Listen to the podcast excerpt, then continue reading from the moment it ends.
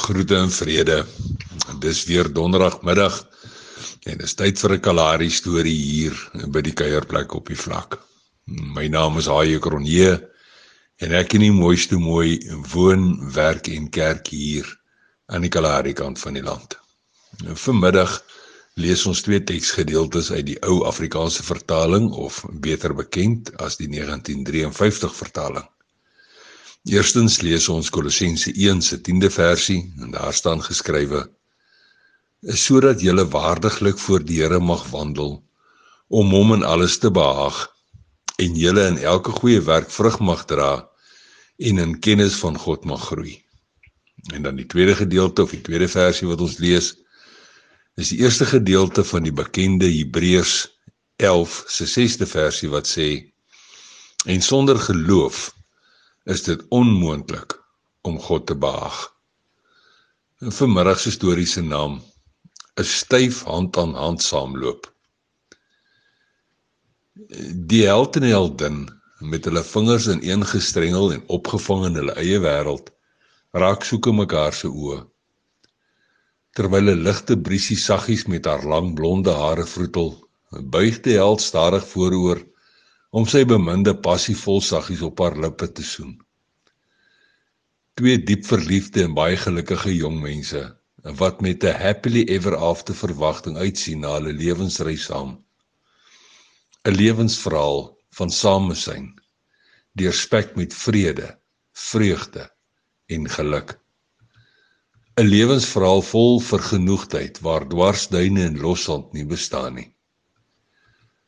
Nou so het voorlaaste week se film wat ons hier op Noniput gewys het geëindig.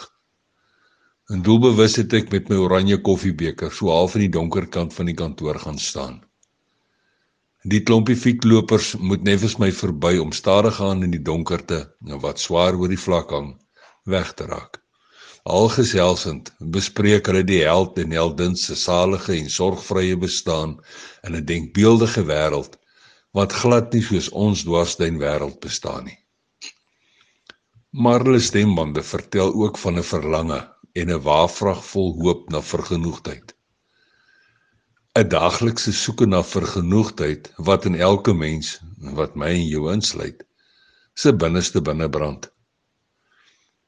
By sommiges van ons sluit daardie soeke selfs se begeertes na sterstatus of beroemdheid in. Dis nou om die held of heldin van daardie verhaal te wees waaroor almal graag praat. Iemand waaroor boeke en liedjies geskryf word.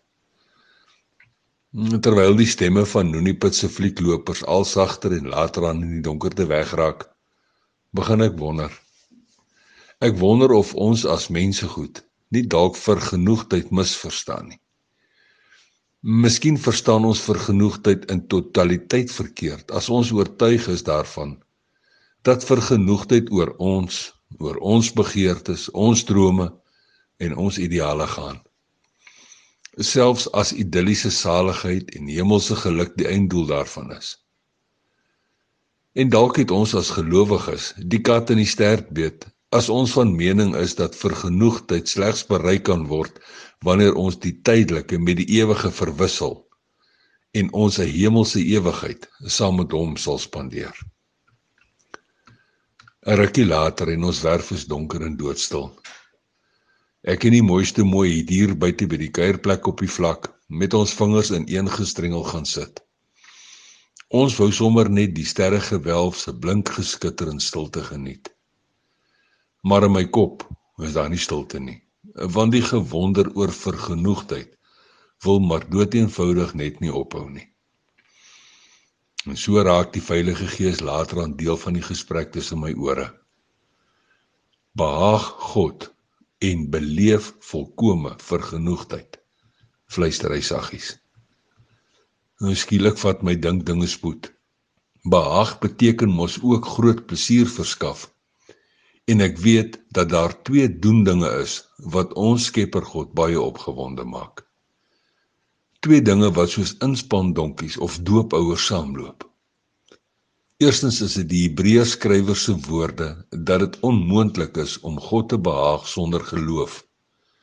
En tweedens Paulus van oud se gebed vir die gelowiges van Kolosse waarin hy onder meer dit noem dat 'n leefstyl vol goeie werke ook behaaglik vir hom is.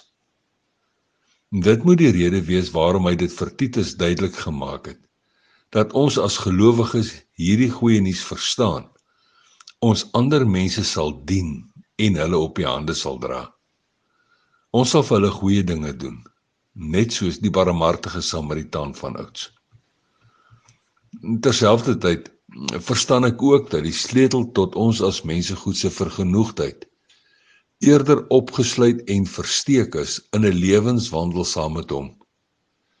'n Styf hand aan hand saamloop sodat ons as mense goed elke dag kan ontdek wie en wat ons drie in een Skepper God werklik is.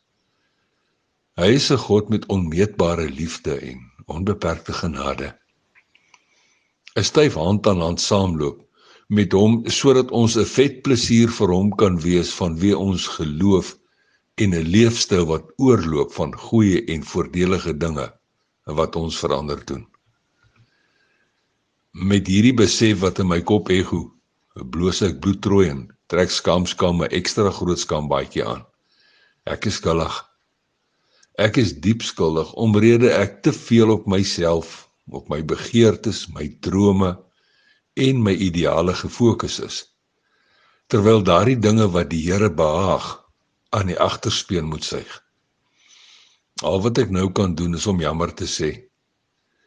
Om jammer vir die skepper van hemelgoed en stofaarde te sê omrede ek nie probeer om ten alle tye met my hand styf in syne te loop nie. En daarna gaan ek my skouers reguit maak. Ek gaan my kop optel en fokus op my saamloop met hom. 'n Styf hand aan hand saamloop om die skepper, die kerelkind en die Heilige Gees te behaag om hulle te behaag met geloof en met goeie werke. En nou ja toe. En tot 'n volgende keer. Los mooi spore en sandkorrel by seëninge.